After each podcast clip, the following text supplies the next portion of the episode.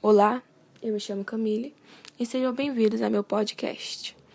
Hoje irei falar sobre as catacumbas paleocristãs. Uma das primeiras manifestações da arte cristã está nas catacumbas, conhecidas também como cemitérios subterrâneos em Roma. Os romanos testemunharam o nascimento de Jesus Cristo, e isso marcou uma nova era. O poder romano viu-se extremamente abalado e com isso passou a perseguir não só a Jesus, como também seus devotos. É, como os cristãos foram bastante perseguidos durante esse período, então essas catacumbas serviam muitas vezes de refúgio, além também de serem lugares de culto e ensinamentos religiosos. Esses cristãos primitivos é, tinham muita fé fixada a uma esperança de uma vida eterna no paraíso. Por isso, eles levavam a proteção das sepulturas e o ritual funerário como coisas de extrema importância.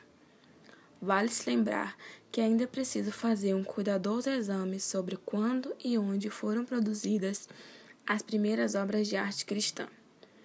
De todos os monumentos subsistentes, nenhum é anterior a 200 anos depois de Cristo já que é de pouco conhecimento a seu respeito até o reinado de Constantino, porque o século III é pobremente representado.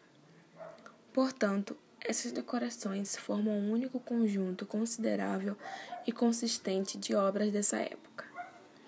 É, algumas das cenas do texto bíblico tomavam conta das paredes das catacumbas. Eram um mesclado do Antigo Testamento com o Novo Testamento.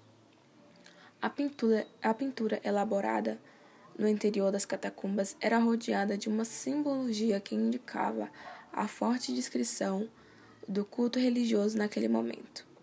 A cruz era um símbolo fundamental que relembrava o ato de Jesus ao morrer pela salvação dos homens.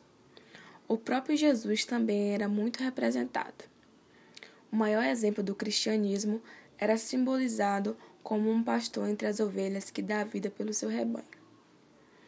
A ausência de saber técnico sobre as obras de arte das catacumbas marcou a fase inicial da arte cristã. Essa fase da arte primitiva não foi dominada por algum artista específico. A maioria das representações encontradas foi executada por anônimos que desejavam expressar suas crenças. Ou seja, é, eles não exigiam um artista estudado para pintar e fazer seus desenhos nessas catacumbas. É, o teto pintado no século IV depois de Cristo da catacumba de São Pedro e São Marcelino em Roma apresenta essas importantes características que eu citei acima, é, representando também, por meio de seus desenhos, a misericórdia do Senhor o poder de Deus para salvar os fiéis, a igreja em oração implorando por socorro divino e entre, outra, entre outras representações. É, essas artes também buscavam dar mais visibilidade e importância à igreja. É marcante e importante estudar essa fase, pois, mesmo não possuindo uma liberdade religiosa, eles mantinham muito a sua fé. E mesmo muitos vivendo, vivendo às escondidas e foragidos, podendo enfrentar até a morte, eles mantinham a dedicação e o foco total naquelas artes religiosas.